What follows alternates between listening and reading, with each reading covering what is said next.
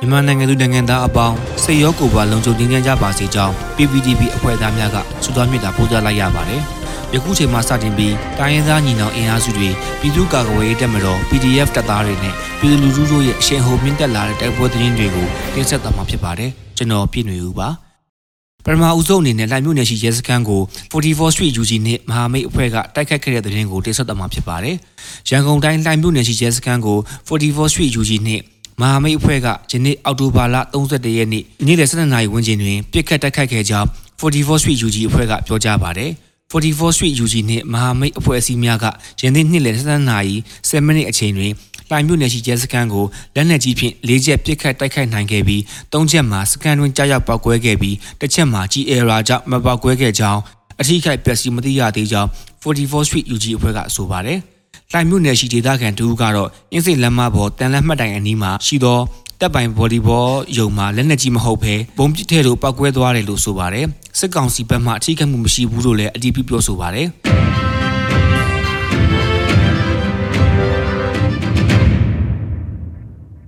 ဆက်လက်ပြီးထိကြိုက်မြို့နယ်ဒိုပင်ကျေးရွာအနီးမှာစစ်ကောင်စီချင်းတန်းမိုင်းဆွဲခံရလို့စစ်သား10ဦးသေဆုံးတဲ့တဲ့တင်တင်ဆက်သွားမှာဖြစ်ပါတယ်။စကိုင်းတိုင်းထိကြိုက်မြို့နယ်ဒိုပင်ကျေးရွာအနီးမှာယနေ့နနက်၄နာရီအချိန်တွင်စစ်ကောင်စီချင်းတန်းမိုင်းဆွဲခံရပြီး အနည်းဆုံးစစ်သား10ဦးသေဆုံးနိုင်ပြီးစစ်ကောင်စီဘက်မှလည်းစစ်အင်အားအများအပြားမိုင်းခွဲခံရသည့်နေရာသို့လာနေသည်ဟုဒေသခံများထံမှသိရှိရပါတယ်။မိုင်းခွဲတိုက်ခိုက်မှုကြောင့်ဒိုပင်တပ်သားတန်ပေါင်တရားကျကျသွားပြီးနှစ်ဖက်ချင်းကက်လမ်းများပျက်စီးသွားကြောင်းစစ်ကောင်စီဘက်မှတန်ကြက်ကာကားနှစ်စီးစစ်ကားနှစ်စီးနှင့်စစ်အင်အားအများအပြားဒိုပင်ဘက်သို့ထွက်လာနေသည်ဟုတည်င်းများရရှိထားကြောင်းဒေသခံများကဆိုပါတယ်။တိကျန်ဒေသမှာစစ်ကောင်စီတပ်များဟာ PDF များရဲ့ခြုံခိုတိုက်ခိုက်မှုကြောင့်အထိနာနေကြောင်းသိရှိရပါတယ်။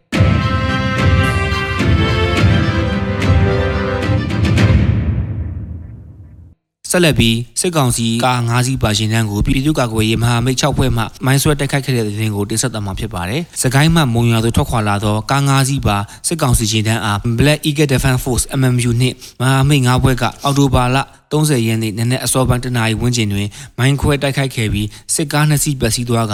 စစ်ကောင်စီတပ်ဖွဲ့ဝင်9ဦးထက်မနည်းသေဆုံးနိုင်ကြောင်းသတင်းရရှိပါရယ်။ အလကပကျေးရွာနှင့်ဝမ်ပီကျေးရွာကြားမှာညီနောင်မဟာမိတ်6ဖွဲ့ရဲ့မဟာမိတ်စစ်စင်ရေးအဖြစ်စကိုင်းမှမုံရွာသို့သွားနေသည့်စစ်ကောင်စီကား၅စီးအနက်ကားနှစ်စီးအားမိုင်းခွဲနိုင်ခဲ့ကြောင်းစစ်ကောင်စီတပ်သား9ဦးထက်မနည်းသေဆုံးနိုင်ကြောင်းဒဏ်ရာရသူများကိုလူနာတင်ရင်နှစ်စီးဖြင့်တင်ဆောင်သွားကြောင်း Black Eagle Defense Force MMU မှသတင်းထုတ်ပြန်ထားပါတယ်။ဒီနေ့အောက်တိုဘာလ31ရက်နေ့တွင်လည်းခင်ဦးမှာစစ်ကောင်စီလမ်းကြောင်းကိုမိုင်းခွဲတိုက်ခတ်ခဲ့တာတွေလှုပ်ဆောင်နေပြီးစစ်ကောင်စီတပ်တွေအထိနာနေတယ်လို့ဒေသခံသတင်းရင်းမြစ်တွေရသိရှိရပါတယ်ခင်ဗျာ။ရေတော်ဘုံအောင်ရမည်ရေတော်ဘုံအောင်ရမည်